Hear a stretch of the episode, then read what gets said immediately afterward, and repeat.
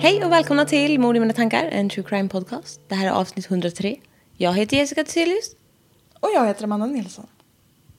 Lugna Favoriter. favoriter. Det var väldigt osansat. Hur mår du? Ja, men jag mår bra. Jag är inne på vecka... Tre, med kraftig blödning.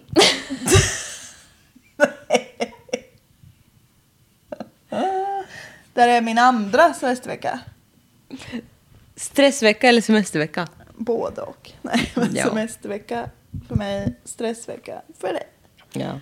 Nej, men jag mår bra. Jag har precis varit i Göteborg med min sambo. Ja. och haft det så trevligt, så trevligt så. Eh, Så är jag, jag har ju en ny kattunge. Ja, som jag inte har träffat än. Nej. Han är så lång. lång som en måndag. Ja, han är så avlång Jag och måste gosig. träffa honom snart. Ja, han heter Dante. Ja. Ja, lill, lill, lill. Men jag facetimade med honom idag. ja han älskade dig. Ja. Och så har min mamma och pappa hundvalpar. Ja men snälla, vad är det för små pluppar bara? Ja, men de ser ut som larver, tjocka. Små bajskorvar bara. Ja. Men de är gulliga. Små labradorvalpar. Ja, skinande blanka. Ja. ja. Men de är det. Ja. Rullar omkring. Ja. Tullar. Ja, ja. Ja, de är så söta. Ja, herregud. Ja, det men så bara gör är en jag. massa djurbarn runt dig. Vad trevligt. Ja, det är jättetrevligt. Ja. Jag kunde inte haft det bättre. Ja. Nej, men jag mår bra. Det är ledigt, det är skönt. Jag gillar att vara ledig. Mm. Jag upptäckte på senare tid. Du har lärt dig det om dig själv. Ja. Hur är det själv om man får frågan? Nej, men det är inte så bra. Jag har varit hos läkaren idag. Jag hatar honom. Han hatar också mig, verkar det som. Nej, men det, han, var, han sa väldigt mycket som var konstigt. Och när jag försökte säga någonting så, så lyssnade han inte. Så man bara okej. Men ja, ja. Så kan det gå när den vanliga läkaren jag har haft eh, som var skitbra hade semester. Ja. Och det var en kvinna.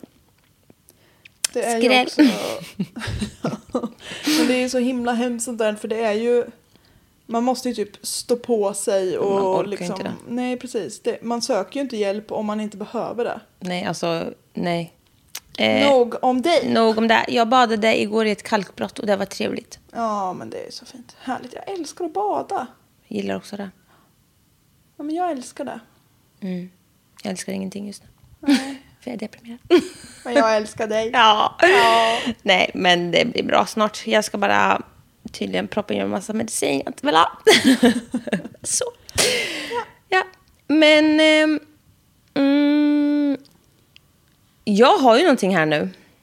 Du har något att bjuda på. Japp. Och det är två delar och en bonus. Oj! Ja. Två delar och en bonus. Det är alltså tre saker Ja. vi får ut av det här. Om jag inte räknar helt fel. Gud vad du är Dan. Mm. Gud vad jag skulle vilja kalla dig för Dan. Ja. Dan Thyselius. Jag är mig själv upp i dagen. Åh nej. Åh, nej. Ja. Nej, men eh, jag ska väl berätta om det här då. Ja men gör det. Jag är idel öra. Ja. Det känns ju jättepassande också att det är du som ska köra när det är du som är slutkörd. ja men jag har ju redan varit... Jag har ju opererat käken. Ja. Det var en trevlig kirurg. ja. Jag har opererat ut en visdomstand. Mm. Helvete, det var fruktansvärt. det var fan hemskt.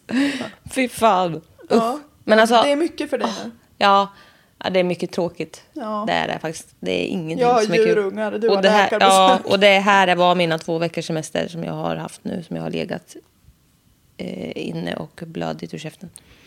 Så det blir perfekt. Men eh, nej, alltså de är så gulliga där jag har varit. Så jag funderar på att gå- liksom bara, han får vara min läkare nu. jag skiter i vad han är så trevlig. jag mår så bra när jag har varit där. Han bara snälla jag är bara käkkirurg. Du bara ja men nu har jag ont i magen. nu får du hjälp. Lös det. Du är så trevlig. Ja.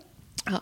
Nej, men eh, nu ska jag berätta om en fin dag. Det är lördagen den 19 september 92. ja det är två år innan jag föds. Minus några månader. Mm. Nu börjar det om igen. Ken... Never a story. Ken Ken? Ja. Japp. Ken Seeley såg alltid fram emot lördagarna då han möttes upp med sin orienteringsklubb Jaha. Mm. Vilken reko person. Japp. För att köra deras veckolöppass. De sågs ute på landet, två timmar norrut från Sydney, där han bodde och jobbade. Vi är Australia. In Australia. Han älskade den friska luften och skogen. Vilken hel lille, härligt. Japp. Han brukade springa rundorna på egen hand, men just idag så hade klubben anordnat, anordnat en träningsdag eh, längs de 40 000 hektar av, de, här- av den härliga Belangalo State Forest. Belangalo. Jag vet inte om det där, är det där det heter, men det står så. Belangelo State Forest. Det, väl, det var välbehållet och vackert. Mycket skog hade brunnit ner under de senaste åren, men det var väldigt otroligt vackert ändå här. Det ska du veta. Ur eh, askan föds den nya. Koalabebisar. Nej, det gör du tyvärr inte. Nej. Han skulle springa tillsammans med Keith Caldwell och de satte fart mot den första etappen. De satte spjärn. De satte sig fart. Tidigt på eftermiddagen var de djupt inne i skogen eh, nära ett av områdets mest spektakulära landmärken. The Executioner's Drop. Oh! Puttar man ner folk för Jag vet avrättning inte. där? Ja. Det låter ju så om man direkt översätter. ja. ja, det var en jävla djup grop. Nej, det var som en stor trädbevuxen ravin. Jaha, Ja. Jättedjup. okej. De kör på och närmar sig nu en kontroll nummer fyra som ligger vid ett stort stenblock. När de kommer närmare så känner de en vidrig lukt. Åh nej. Ja, det är nog ett fnutt... fn- Det är något fnuff. fn- fnöske. Det är nog ett förruttnat djurkadaver, tänker de. Det hade jag också Vad tänkt. tror du? Med tanke på vad vi lyssnar på för podd så tror jag det är typ så 17 spädbarn som ligger i en hög. Ja, men typ. Nej. Eh, men skogen var nämligen full av wallabies och kängurur och dingos. Alltså, I don't even know what that is, but they're cute! Nej, men dingos är väl små, det är typ Mm. hundar. Ja, men har du sett en wallaby? Wallaby. De är ju små kängurur typ. Och wombats! Ja, de, Nej men för i helvete. de har så roliga namn på allting. Ja, Men det är så gulliga djur där. Men det finns också... Kangaroo, wallaby, wombat, Ja. koala. ja, men de är så söta. Men det finns också mycket konstiga djur. Det finns livsfarliga djur. Ja. Japp. Eh, men i alla fall, de här var på väg att börja... Eller ja, han som... Han Ken. Ken, ja tack. Ken var på väg att eh, springa vidare när Keith ropade på honom från andra sidan stenblocket. Han hade gått och kikat lite. Lukten var skarpare på den sidan. De ser en hög med skräp, ungefär 7 foot long and 2 foot high. Det är inte okej att säga så om en död människa, Jessica. En hög med skräp. det var inte snällt. Nej, men det var där de såg. I, I tried to, with a little joke there. Please don't. Unge- ungefär 2 meter gånger 70 centimeter. Mm-hmm. Vad har du? mm. Det är en grav. De stirrar på högen och ser då ett ben i form Av ett ben. av en armbåge. Alltså ett ben. Bone. Jaha, ja. Inget leg. De ser då. Du fick verkligen inte ihop det där. Nej, det där var svårt. De ser en armbåge utan skinn och hår. Hur fan kunde de identifiera att det var en armbåge? Den var väl böjbar? det, det, Nej, men det, de såg väl att det var det. Hade, Ja. Jag hade också kunnat sett om det var ben som var en armbåge. Du ser väl att det är en armbåge? gör man. Jag kan ju säga att det är skelettben, men ja, ja. Nej, okej. Det var en armbåge. ja. Och de såg den. Jag kan se en armbåge på med flera mils avstånd. De stirrade och tänkte att det fortfarande kan vara ett djur Med armbåge. med armbåge. Men sen ser de också en t-shirt. Det är sällan djur har både armbågar och t-shirts. Mm, det Också skrivit t-shit, men ni fattar. De går runt på andra sidan och där sticker hälen av en sko ut. Ja. That's not look good. Nej. Det ser inte ut som att det här är någonting som har hänt av naturliga orsaker. Nej, man gräver ju sällan ner sig väl. Klo- Men, ja. förlåt, men eh, jag fattar ju också att man går runt och tittar för man, det tar nog ganska lång tid innan man så här, ja fast det här är en människa. Ja, Man vill gärna hitta någonting som tyder på att det är något annat. För, man vill nog gärna inte tro det i första taget, nej. Nej. Så, det där alternativet gick också. jag gjorde en liten gest att du typ skulle då s- förlänga din hals och skaffa gamnacke. Men Ja. du bara höjde armen med mycket lite närmare ansiktet. Det var Ja. så good call. Jag kände att det var mer ergonomiskt. ja. Men eh, ja, nej, de vill nog inte tro det först. Men vad riggarna du. Klockan har blivit 15.45 och det skulle snart skymma. De dividerar om det är bäst att springa tillbaka samma väg eller fortsätta att följa kartan dit deras bilar står. Och de kommer överens om att det måste gå snabbare och fortsätta sträckan på kartan tillbaka. Och de märker ur den här platsen tydligt. Det är 800 foot sydväst om Long Acre Fire Trail. Så de har ändå så här skrivit upp exakt. En halvtimme senare så kom... Himla smidigt att de, förlåt att jag avbryter igen, Mm. att de hade en karta. Ja, det var bra. Ja. Mm. Men då tänker jag också att eftersom, eller ja, i och för sig, man behöver väl inte ha sprungit rutten innan bara för att man har en karta. Men Nej. nej. Sorry. Nej. En halvtimme senare så kom de fram till resten av klubben och berättade vad de hade sett. De ringde till Emergency Service och eh, operatör Saley svarar och frågar om det är en nödsituation. Not really, though. Så han blir frånkopplad. Flera samtal senare så blev han äntligen kopplad till den lokala polisstationen i Bowral i New South Wales. Ja, det, ja, nu lät det som att det var en operatör som s- heter Saley, men det är ju han som ringer som heter Saley. Han heter väl Ken Saley, Kan ha gjort. whatever. Jag kommer bara ihåg henne. Mm.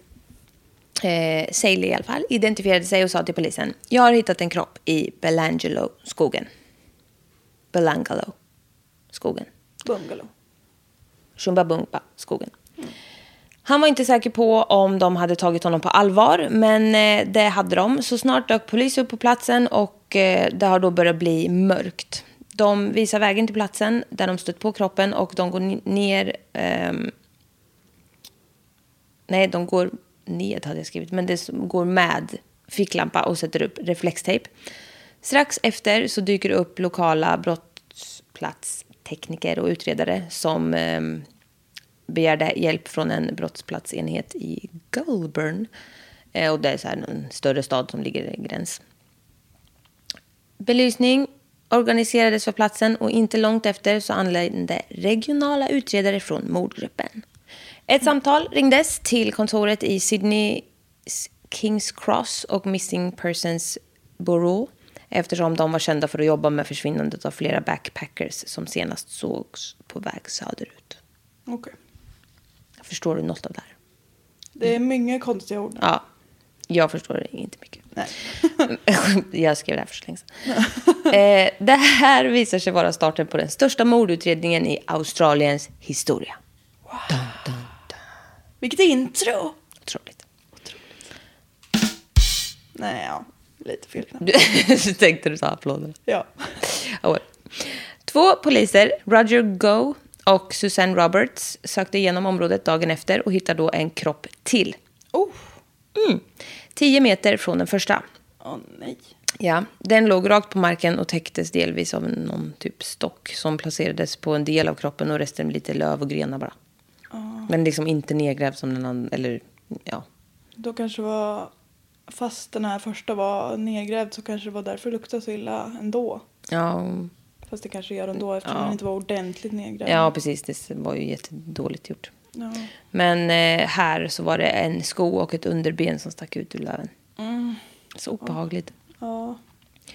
Media rapporterar direkt och spekulerar om det kan vara eh, två försvunna brittiska backpackers, eh, Caroline Clark och Joanne Walters. Och de hade varit försvunna i fem månader. Alltså det, är så, alltså det här med att vara så försvinna... Alltså, Ja. Nej, usch.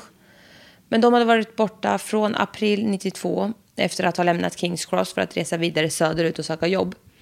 Och, eh, men alltså här har det ju inte skett någon identifiering än. Så de spekulerar bara. Men det här sprids såklart som en löpeld och många ringer in till myndigheterna från hela världen för att få veta mer.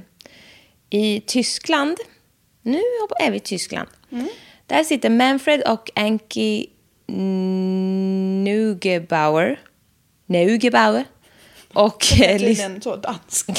ja, det blir jävla... Jag vet inte. Nugebau. Nugebau. Jag, jag kände att jag ville. Nugebau. Eh, och de... Säg det själv. Säg det på tyska då. Nogebau! Japp. Nej. I alla fall. De eh, lyssnade oroligt på nyheterna och undrade om det kunde vara deras son Gaber, 20 år, och hans flickvän Anja Habshid, Mm. 19 år, som hade försvunnit spårlöst efter att ha lämnat ett Kings Cross eh, Backpackers vandrarhem strax efter juldagen 91. Oj, vad länge de har varit Ja, borta. för att de bara sitter och bara, och sen när de har hittat kroppen, bara, "Ah, det kanske är, det kanske är de. Ja. Ja. Var bort, bort, Är det ett hopp eller är det en, bara en skräck? Det måste vara Jag vet lite inte. både och. Man vill ändå veta. Väl? Ja, jag tänker att man vill veta vart de är men man vill ju absolut inte att de ska döda. Nej, exakt. Fy fan vad hemskt alltihopa. Ja, stack. Och få se på tv Nej, alltså. Och sen bara... Nej, usch. också. Ja. Ja. Eh, I Regensburg, nära München, så sitter Herbert Schmidl och eh, lyssnar eh, och undrar om det inte kan vara hans 21-åriga försvunna dotter Simone som inte har sett sedan hon lämnade Sydney 91, över ett år tidigare. Det var den 20 januari 91 som hon bestämde sig för att lyfta ner till Melbourne för att träffa sin mamma som de hade planerat för länge, länge sedan. Ja. Alltså, nej, jag kan inte fatta att familjer sitter och vet ingenting bara. Ja, Det är många. Ja. Flera hundra mil söder om eh, Belangelo i Frankston, Victoria, satt Pat Everist och undrade om det inte kunde vara hennes dotter Deborah och hennes kille James Gibson, båda 19 år gamla, som hittas i skogen. De har varit försvunna ända sedan de lämnade Frankston och såg senast 30 december 89. Oj! De hade berättat för sina kompisar att de skulle på något eh, naturvårdsmöte söderut mot eh, Hume Highway till Albury. Men sen blev det bara tyst. Ja, fan, jag skriver det med. Bara, Ja, exakt som jag sa. Fattar hur många som sitter i detta nu och inte vet vart sina anhöriga tog vägen. Jag kan tänka mig. För det är, alltså, den här ovetskapen är fan förödande alltså. Ja, Det måste vara hemskt. ja verkligen. Också, det är hemskt att veta, men det är fan alltså. Ja. Och det är ju, blir ju som en liten tortyr och gå runt med det här lilla, lilla, lilla hoppet ändå. Ja. Även fast Som det man ju kanske- också s- måste ha säkert. Ja. Nej, fy fan. Ja.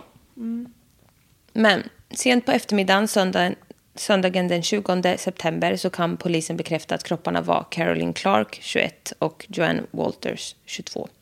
Var det de första du sa, de här brittiska tjejerna? Mm.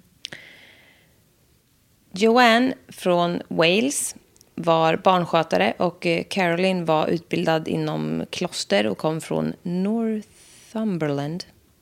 De hade träffats i Australien och rest på eh, semesterarbetsvisum, precis som tusentals andra backpackers gör varje år. Och när de lärde känna varandra så bestämde de sig för att hyra en lägenhet tillsammans i Kings Cross och sen bestämde de sig för att åka söderut för att plocka frukt. Alltså, Alltså jag blir så ledsen. Jag de ska ju vet, verkligen ha de en ska- time of jag their vet. lives nu. ja. och bara åka och plocka frukt. Drömmigt. Ja. På påskdagen, eh, 18 april, så sågs de på väg mot Kings Cross Station med sovsäckar och tält. Två veckor senare så började Ray och Jill Walters bli oroliga eftersom de inte hade hört något från sin dotter som alltid annars ringde hem en gång i veckan. Eh, Och Joanne då var, hen- var deras enda barn. Den 26 maj så gick Joannes visum ut och då blev oron ännu värre och de rapporterade sin dotter som missing till polisen i Wales. Och de rapporterade ärendet vidare till Australien. Gud vad hemskt. Ja, Det hinner hända så mycket på en vecka också. Ja, ja. Det är en väldigt falsk trygghet. Även fast ja, Mm. ja. Mm. man kan ju inte hålla på och ringa folk varje dag. Det fattar jag ju. Men Nej, men det är så här, ja exakt, när, när det inte ringer då blir man så här, okej, det kan ha gått sju dagar. Ja. Sju dagar är många. Och de här på andra sidan jorden. Japp. Ian Clark, eh, regionchef i Bank of England och hans fru Jacqueline som inte, inte jobbade eller jobbade med något ointressant i skuggan av sin man hade inte lika stor anledning att vara oroliga då de inte hördes varje vecka. Men eh, när deras dotter Caroline inte hörde av sig på sin pappas 58-årsdag så förstod de att något var fel. Båda familjerna reste till Australien för att söka efter sina döttrar och hade liksom panik men vägrade att- och liksom, de tog bara inte att de kunde ha råkat illa ut. De, eh, de bara, nej vi måste bara hitta dem liksom. De kanske har bosatt sig i någon utkant eller var vilse någonstans liksom. Ja. Ehm, och de sa, Ian Clark sa det bara, vi, har, vi gav aldrig upp hoppet. Och vi muddrade runt och tänkte på allt tänkbart som tjejerna kunde göra där de inte kunde komma i kontakt. Gå ut med liksom, och festa på någon yacht eller jobba hos någon utan tillgång till telefon eller bara allt mm, som de tänkte på. och så bara, ja det är quote, men vi muddrade runt. Vad menas? Men muddrade runt. Muddra är när man letar i vatten. Jaha, Men, det här är någon eh, direktöversättning säkert. I don't remember. Han menar nog att de... Sökte med väldigt ljus och noga. lykta. Ja, precis. Och det är, klart, alltså det är klart att de tänker så, som sagt. Ja man... Man- ja, man släcker väl aldrig de lamporna Nej. om man inte måste. Nej. I augusti, efter att familjerna har legat på som fan, så börjar polisen skapa en koppling mellan en rad försvunna personers rapporter om turister i New South Wales och Queensland. Och det var ju några stycken. Tiden gick och tre detectives sattes på fallet. Men på 12 månader så hände ingenting. De la kanske inte supermycket resurser på det här. Nej, man vet inte. Och så sjukt svårt. Det är inte så att Australien är ett pyttelitet land. Nej, jag vet. Jävla... Någonstans i Ytorna. bushen har de här Ja. Mm. kanske försvunnit. Och det kan ha hänt exakt vad som helst. Det är inte superlätt att vara... Nej, alltså nej. Var ska man börja?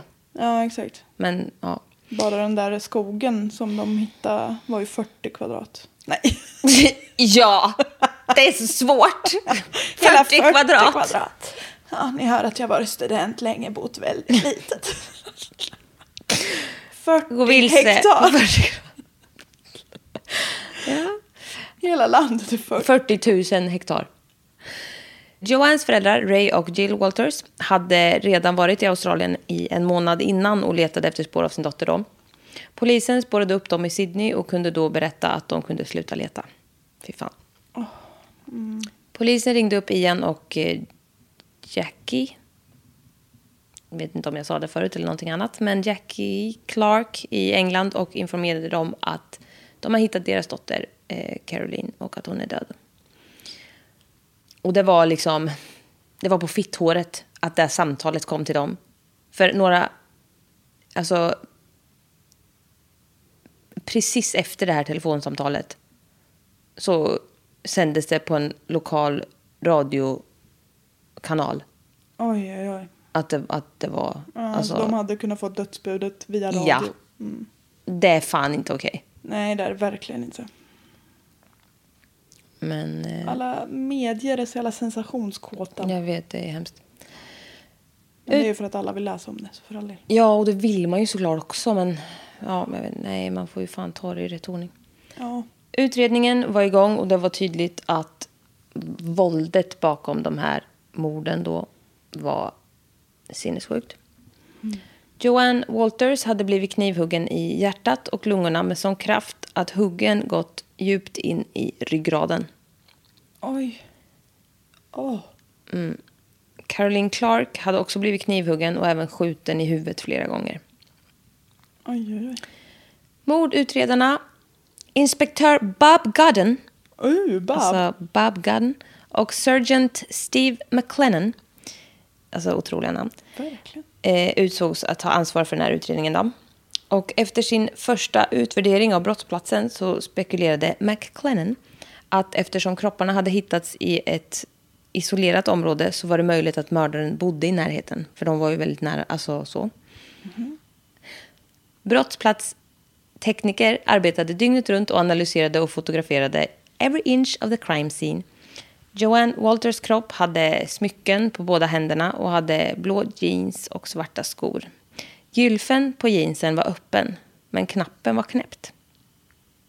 Och inga trosor hittades på kroppen eller överhuvudtaget. Han har klippt på henne efter. Mm. Övergrepp har begåtts. Fyra meter ifrån där man hittat Caroline Clarks kropp fanns sex sigfimpar, alla samma märke.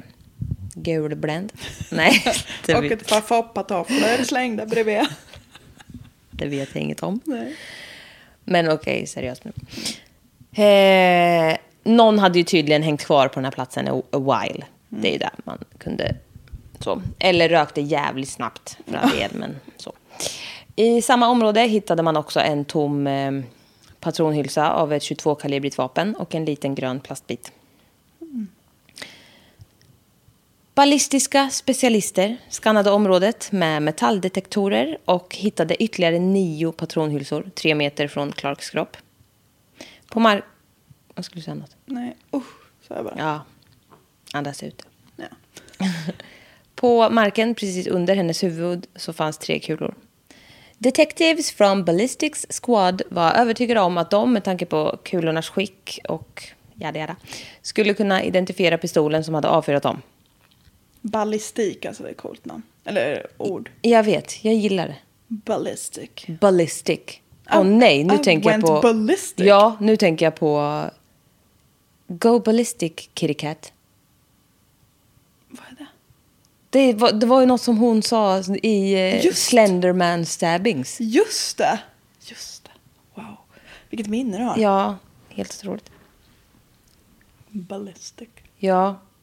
Men de sa ju någonting. Go... Ja, ja det var något go sånt där. kitty cat, go ballistic. Typ. Man bara okej, but don't. Men... eh, Mm, Jag ska trycka upp en t-shirt till dig som står...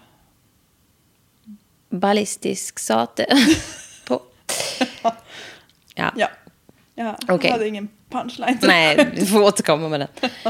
Ytterligare 35-40 meter bort så lokaliserade man en eldstad byggd av hustegel mitt i skogen. Oj då. Någon som har gjort en liten mysig campingplats. Mm.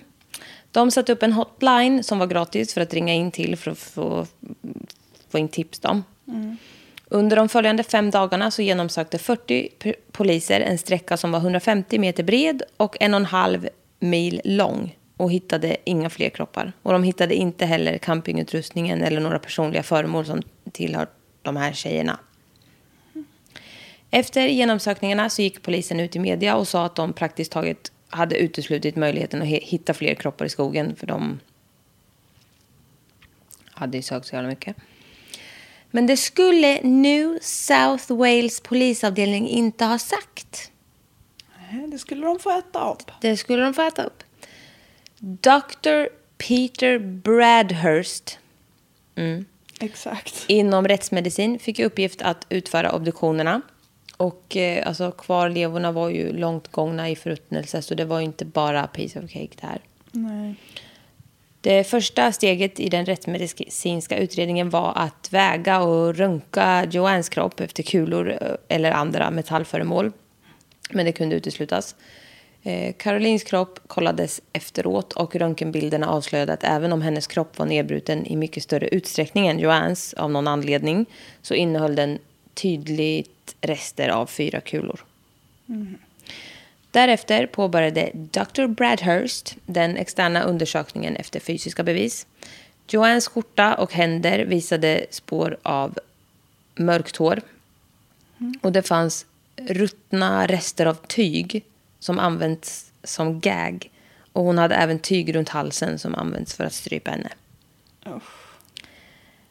Inga direkta spår av våldtäkt kunde klargöras men det är också extremt svårt eftersom förruttnelseprocessen har gått så långt. Det togs ändå prover vaginalt för att undersöka och det kan hända att det ger utslag av sperma trots att det går veckor eller till och med månader. Eh, Så de kollade ändå. Hår och nagelprover togs, alla möjliga prover togs. Joannes bröst visade tre sticksår på höger sida, ett på vänster sida och ytterligare ett, streck, ett, ett, streck, ett stick i nacken. Oj. Det beskrevs som en alltså, quote, friendside attack. Som förklaring av begreppet stod quote, wildly exciting och uncontrolled. Oj då. Obehagligt. Någon som har gått Ballistic. ballistik här. Två sår hittades på vänster sida, fem till på höger och två på ryggraden vid nacken. 14 hugg registrerades. Undersökningen visade att fem av sticksåren hade skurit in i ryggraden. Alltså det, det är liksom genom hela. Framsidan och in till ryggraden. Ja, Oj jäklar. Det här, jag säger en han, för det är jag oftare, men det vet jag inget om. Men han har ju verkligen, han har både tagit i och gjort väldigt mycket, ja. Mm. säger min. Så, Professionella utlåtanden analys. Ja. från någon som jobbar på tingsrätten. Exakt. Jag säger det i min profession. ja.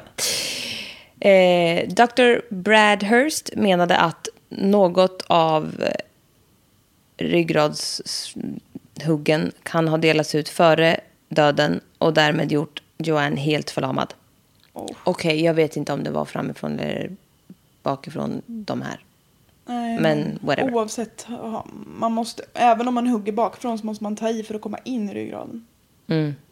Det är skitobehagligt. Men alltså, och, alltså... Ja, det är hemskt. Två reben hade blivit helt avhuggna. Händerna och armarna visade inga försvarsskador, vilket är rätt ovanligt. Det, Detta tillsammans med resterna av gag och strypsnaran bevisade att hon har ju varit helt hjälplös under mordet.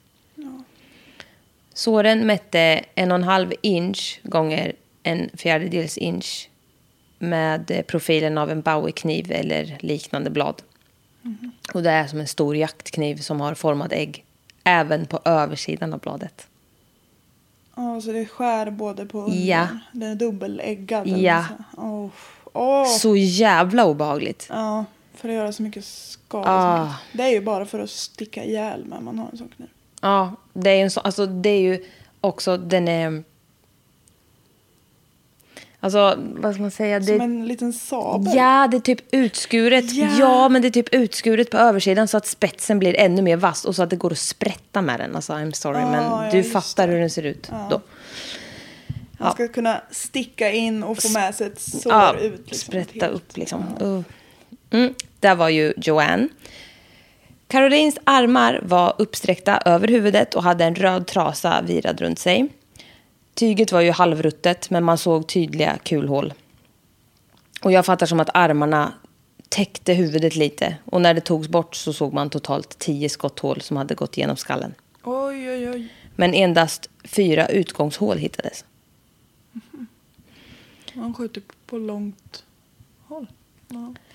Fyra kompletta 22-kaliber projektiler återfanns eh, från insidan av skallen.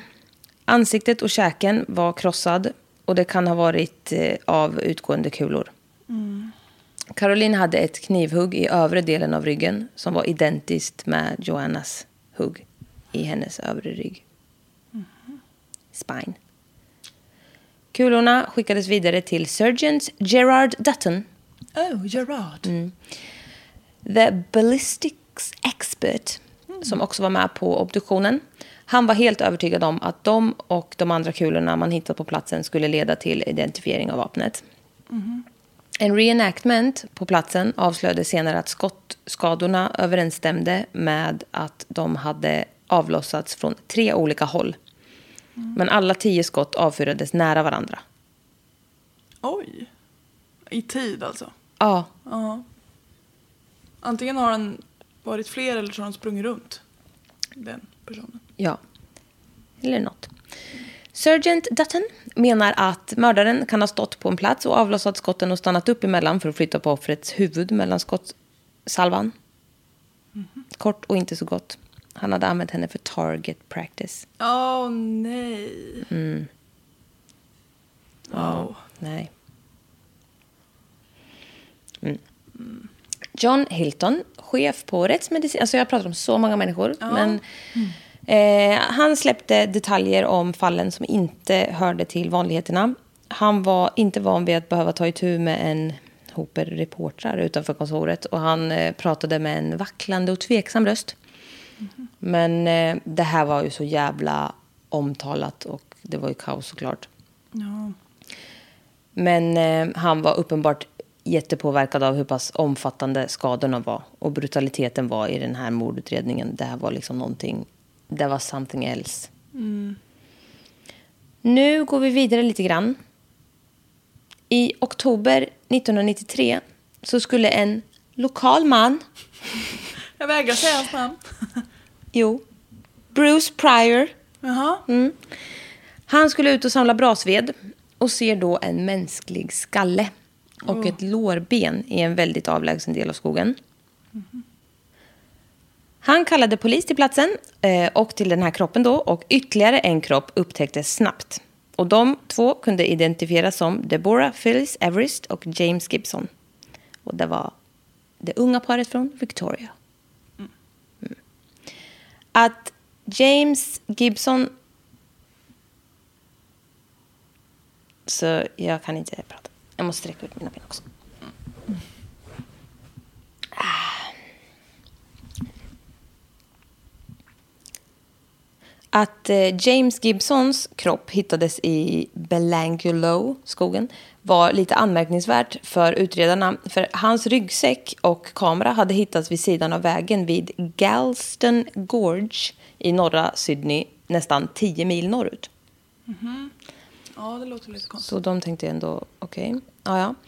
Det gick inte att fastställa Deborahs dödsorsak på grund av att det har gått väldigt lång tid. Men det fanns bevis för att hon har blivit slagen med ett vasst föremål samt knivhuggen i bröstet och huvudet. Så Att hon har blivit mördad är det klart. kan man ju skriva under på. Hon hade haft på sig en svart bh och eh, kläder som hittades en bit från kroppen. Men den här bhn hade skurits rakt igenom ena kupan och strumpbyxorna var också skurna i. Hon var gagged med munkavle och hon var bunden med sina egna strumpbyxor som var knutna som öglor. Runt händerna. Ja. James kropp låg i fosterställning knappt 50 meter från Deborah. Hans kropp var också täckt av grenar och massa krafs. Han hade fått flera knivhugg i lungorna, hjärtat och levern och ett eh, galet jävla hugg mot ryggraden som skulle då ha förlamat honom. Det är någon som vet hur de gör. Mm. En av sökarna hittar en hatt som visar sig tillhört James Gibson. Och det konstiga var ju att hans ryggsäck och kamera hade hittats liksom, ehm, Långt bort. ja, eh, 78 miles norrut. Men ja, vad sa jag förut, då? 10 mil då, eller vad det blir. Ryggsäcken hade då stått lutad mot ett räcke vid en tungt trafikerad väg. Lite uppställd kanske. Placerad typ. Ja. Annars var det väldigt oklart hur den kom dit. Men de tror att den var placerad där i efterhand. Liksom. För att förvirra. Vilseleda lite ja. Ja. Följande dag så återvände officers Gross och Goldie. Men alltså snälla. Gross and Goldie. Ja. Eh, till eh, gravplatserna i sällskap med Dr. Bradhurst. Som då vi vet. Och en... rä- you know, det är så mycket namn. Ja, ja. Han var ju så bra.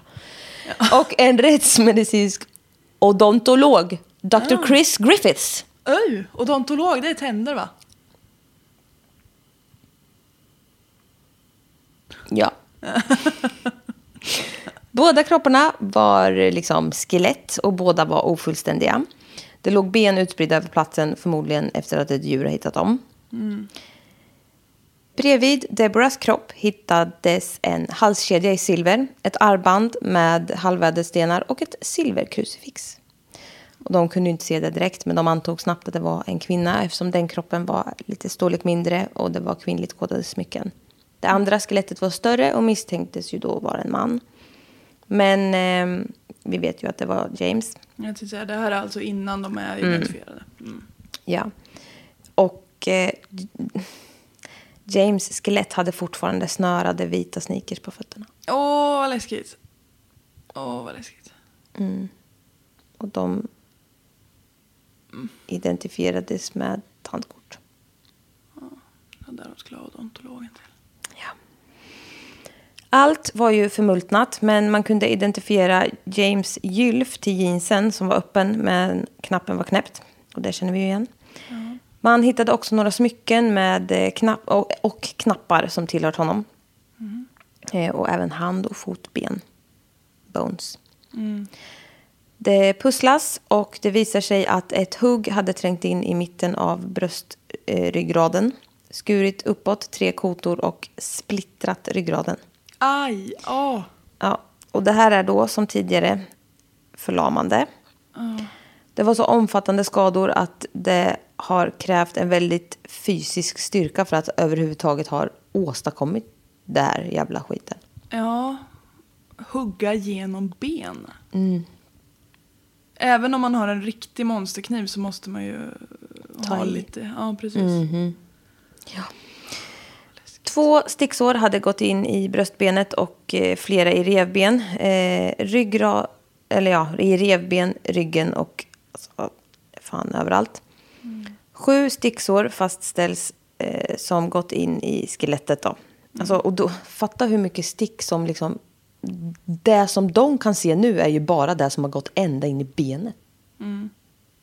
Ja, det är ju antagligen många fler då. Ja. Ja, alltså som bara...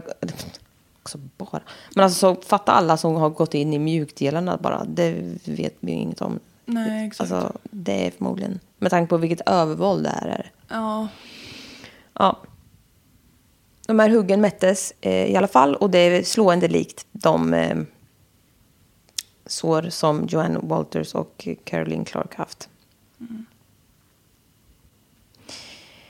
Eh, Deborahs skelett var i sämre skick. En eh, del av käken var bortbruten, flera frakturer i baksidan av skallen, fyra snea knivsår i pannan, två på varje sida, flera knivhugg i nedre delen av ryggen nära ryggraden.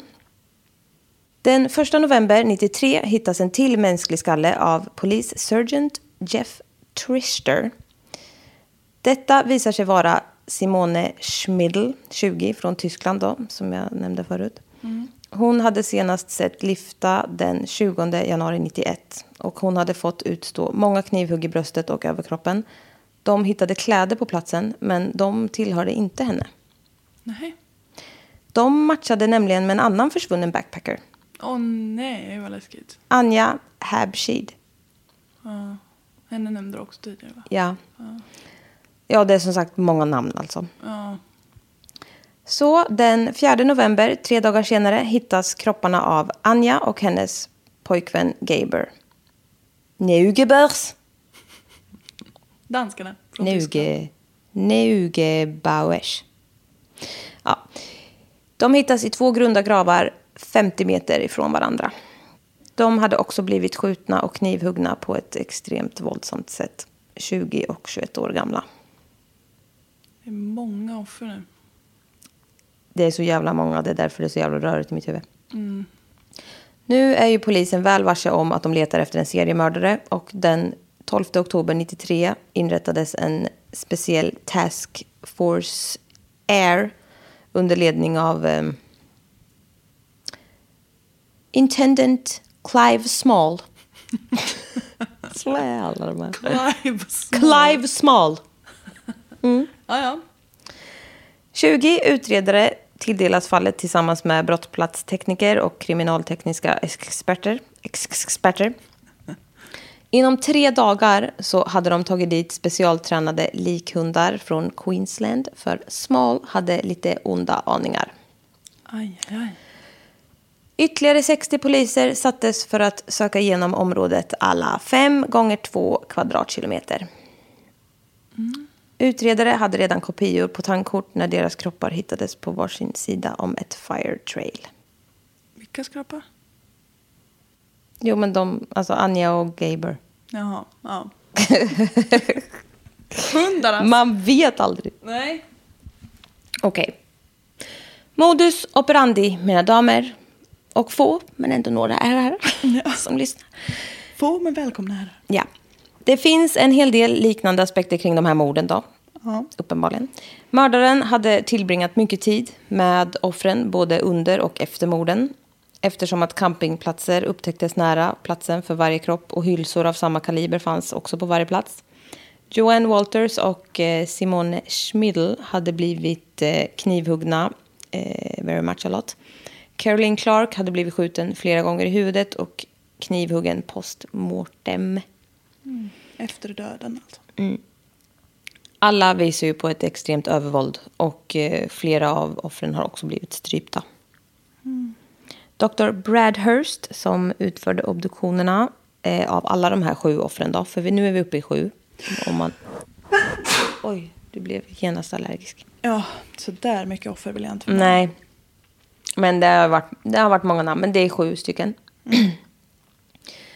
Eh, Och han säger att det är mer än troligt att det är två, tre mörd- mördare inblandade i de här morden. Mm. Utredarna märkte att för varje mord som mördaren slash de här mördarna har begått så har han eller de fått mer och mer självförtroende och spenderat mer tid kvar på platserna. Alltså, det är så Det himla där är så obehagligt. jävla äckligt ja. Ja, att de bara, Jag jag reagerar förra också på gången det. funkar det bra med en halvtimme. Då kan vi Nu ta blir jag lite lite mer." kaxigare typ. Alltså nej, usch. Och att de så har gjort en liten fin mysig plats och grillat. häng kvar. Bolmar. Nej. Eh, befälhavaren för Task Force Air, då Clive Small, avslöjade att de tre första offren hade blivit mördade relativt snabbt. Eh, men de senare fick utstå mer tortyrliknande quote, perversa spel. Alltså, mm. Offren hade blivit bundna för att sedan släppas och eh, flyttas på flera hundra meter. Oj jävlar. Alltså han har ju liksom, Han har nej. lekt med dem. Ja. Ehm, mördaren, eller mördarna då, hade ställt upp ölflaskor på en stubbe för att visa sin pricksäkerhet för offren. Åh! Som om de bryr sig. Men åh fy fan. Ja, vad- men för att liksom skrämma upp dem. ja exakt. Jo jag förstod det. Caroline Clark och Joanne Walters hade behövt eh, klä av sig under något tillfälle för att sedan klä på sig igen hastigt. Och det fanns bevis på det. Jag vet inte exakt vilka, men det fanns tydligen där. Sedan sköts Caroline i huvudet upprepade gånger genom hennes sweatshirt och vi vet att Joanne fick utstå 20 knivhugg genom hennes tröja. Och det här visas sen upp på rättegången. Utredarna hade också dragit slutsatsen att mördaren kört ett fyrhjulsdrivet fordon för att komma åt alla skogspartier han varit på. Och det visar också att han har känn- alltså att de eller han eller liksom kände igen de här områdena. Ja. Det var liksom Han, he knew the area. Mm. Yes. Samtidigt så kom det fram att samma vapen används för att döda Gaber och Caroline. Ett USA-tillverkat Ruger eh, 10 bla bla bla 22 kalibergevär. Det är tydligen sällsynt i Australien. Okej. Gabers kropp hittades med en munkavle inkilad mellan tänderna. Innanför den hade det tryckts in ytterligare en gagtrasa. Dr. Bradhurst noterade att detta inte var samma typ av knut som Joanne hade i sina sådana. Eller i det hon hade blivit utsatt för. Tyget som var intryckt i munnen var stort, så troligtvis var dödsorsaken kvävning. Han hade ett eh, brutet ben i halsen. Oh. Och käken var bruten på flera ställen. Han hade strypts. Oh god. Alltså fy fan. Uh. Han var fullt påklädd och hade blivit skjuten sex gånger i huvudet. Tre skott från vänster bak och de andra från eh, nedre baksida. Ett utgångssår hittades på höger sida. Fyra kulor återfanns från insidan av skallen. En femte kula återfanns från eh, benen på överkroppen. Han hade inte dödats på platsen som kroppen hittades. Alltså det har brukats mycket övervåld. Ja. Det hittades 90 hylsor i området. De matchade med skotten och hylsorna från de andra offren. Alltså 90 skott har avfyrats. På sju offer. 90! 90! Nia, nolla. 90! Ja, det är helt otroligt. Mm. Nu fortsätter jag. Nu är- säger jag något hemskt. Okej. Är du med? Anja Habshid hade blivit halshuggen med svärd eller machete medan hon fortfarande, alltså medan hon levde. Åh, jävlar vad grovt. Och vinkeln på det här skäret visade på att hon har stått på knä framåtböjd när huvudet skars av. En ren jävla avrättning alltså. Ja, som en jävla rituell avrättning. Åh fy. Hennes huvud och de övre ryggkotorna har aldrig återfunnits. Nej, nej. Vi går vidare. Det är ju kaos hela tiden. Media, liksom... Eh, media, helikoptrar från tv hovrar över hela tiden och reportrar försökte ta liksom, sig in i området. Det är ett jävla härj bara. Nej men gud. Att de inte Nej, ens men ska alltså, respektera. nej, alltså helt... Folk jobbar Ja, men något exakt. jävligt viktigt. Ja. Thank you very much. Eh, det finns väldigt många spretiga spår i utredningen. Det bör inte särtalas. Det finns många spretiga spår i utredningen, men få konkreta fakta.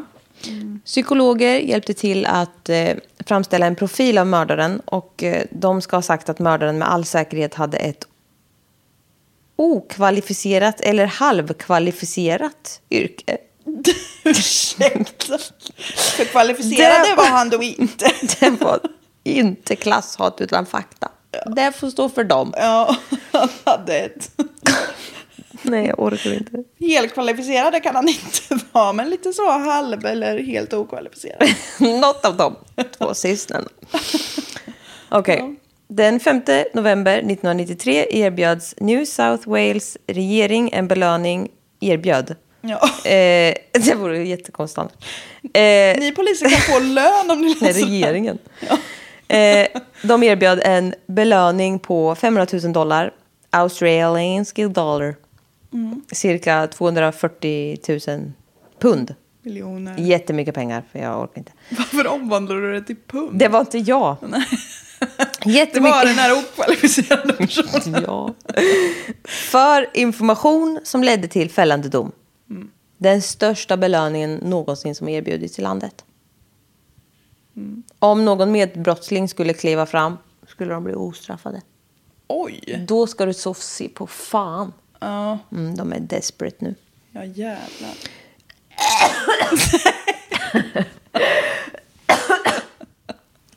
Förlåt. Ja, herregud. Informationslinjer sattes upp och inom det första dygnet loggades 5100 samtal. Usch. Usch. Vem Det- fan får svara på det? Nej, alltså. Eller är det inte jag. telefonsvarare? Nej, du vet. Inte fan vet jag. AI. Nej, Det fanns inte. det offentliga gensvaret var enormt. Mhm. Det kom in mer än en miljon tips, Åh jäklar. varav polisen följde upp 10 000 spår. Ja, det går ju inte att följa upp det. Herregud. Utredarna använde ett datorsystem som heter NetMap för att kartlägga sambanden mellan fragmenten och av information om namn, adresser, vapeninnehav, fordon och tider. Ledtrådarna för att fånga mördaren fanns där, men det var inte bara en fråga om att hitta dem. De måste matchas ihop. Till och med satellitfotografier användes för att se hur blöta förhållanden hade varit de dagarna då dessa pass, pass, backpackers försvann.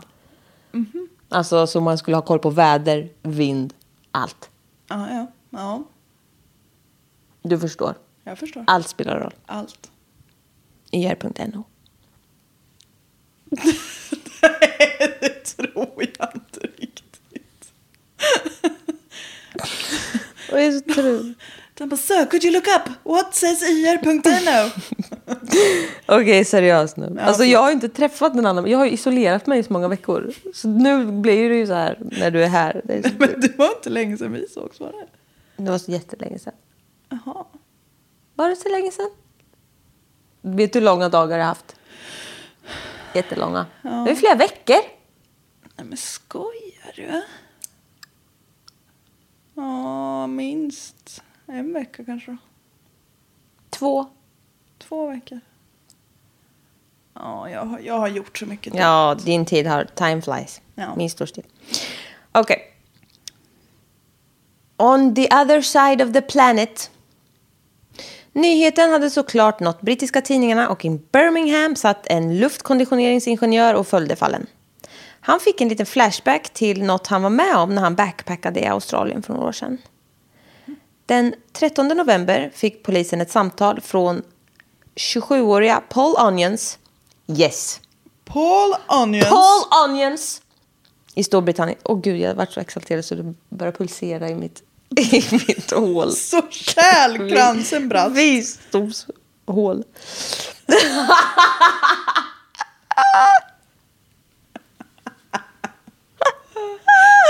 Vi har djupa visdomshål. Ja.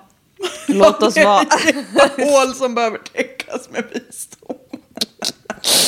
Låt oss vara. Det finns utvecklingspotential. Låt oss säga det. Okej, men alltså Paul Onions. Paul Onions. You're gonna love him. Onions hade backpackat back. Backpacker back. Big, big, big packerbagger. Det hade kunnat varit en ort i Australien. Onions hade backpackat i Australien flera år tidigare och hade liftat söderut från Sydney till Canberra med en man som hette Bill. Mm-hmm. Den 25 januari 1990. Vad sjukt.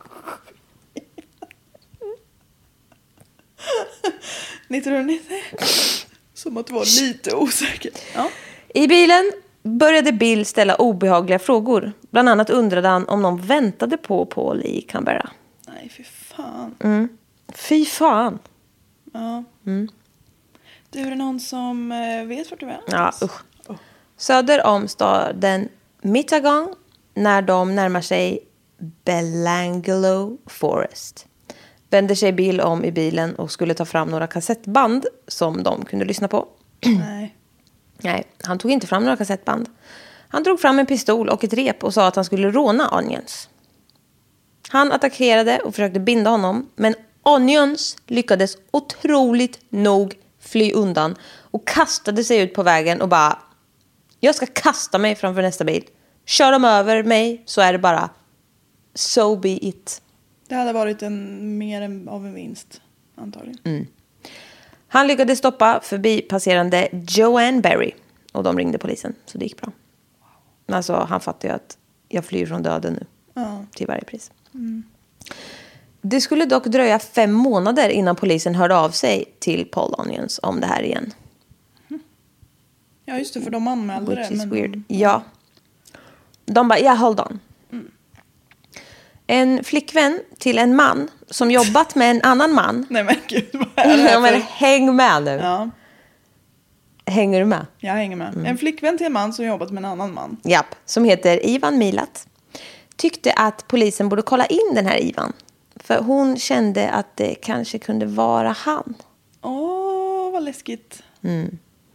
Polisen fick reda på att han hade suttit inne tidigare och även blivit åtalad eh, 71 för att ha kidnappat två kvinnor och våldtagit en av dem.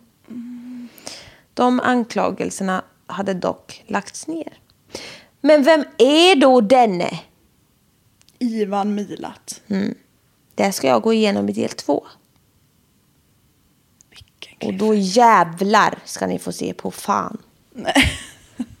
Då blir det wacka av. Det här var jättejobbigt att ta sig igenom. Ja, Det var så rörigt och allting. ja, men jag tycker du gjorde det bra. Så kom det sågande män och jag kan inte prata och jag kan inte ingenting. Nej, du har lite så talsvårigheter. Men alltså jag har ju också typ så inga tänder i mun. Så opererat ut allt. Du har inte alla tänder i mun så att säga. Nej, det kan man verkligen säga. Hur många tänder har du? Jag har inte räknat. Jag har 31.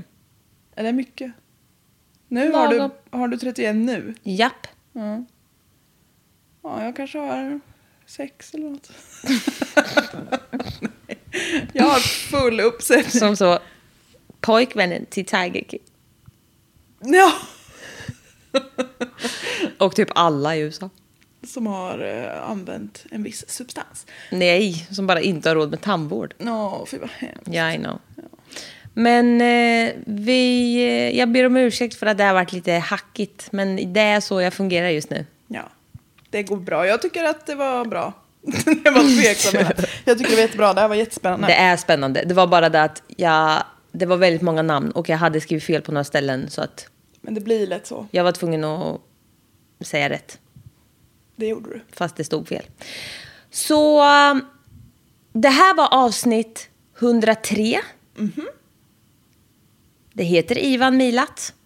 Det är lätt. Det kommer en del två nästa vecka. Och så kommer en bonus veckan efter det som ni kan få eh, undra. Vad fan det här kan vara ja. Mm. Eh, vi hörs Det gör vi. då. Bli Patreons. Bli Patreons. Det var någon som blev det idag. Ja. Då kommer de att kunna få titta på en film på oss. Ja! Där vi gör ett bonusavsnitt som inte får höras av andra än Patreons. Nej. Finns inte. Nej. Så in och kolla på det. Det är ju ett poddavsnitt alltså, som vi har filmat. Det är typ Mm. Ja. en och en halv timme. Ja, det är rejält. Mm. Så vill ni titta på oss när vi ser eh, roliga ut i en och en halv timme så that's on you! Ja, vi har ju fått, eller du har skickat så stillbilder till mig när jag gör otroliga miner. ja, det är så jävla roligt. Där kan jag lägga ut. Ja, Det gör det. kan vi bjuda på. Gör det. Du ser ut så ibland. Det är liksom Som en lite så, som group. som en lite förnärmad kyckling. ja. ja, den är filmen är väldigt rolig. Men eh, ja, vi hörs om en vecka då så får ni ha det så bra så länge. Det gör vi. Ha det gött, hej.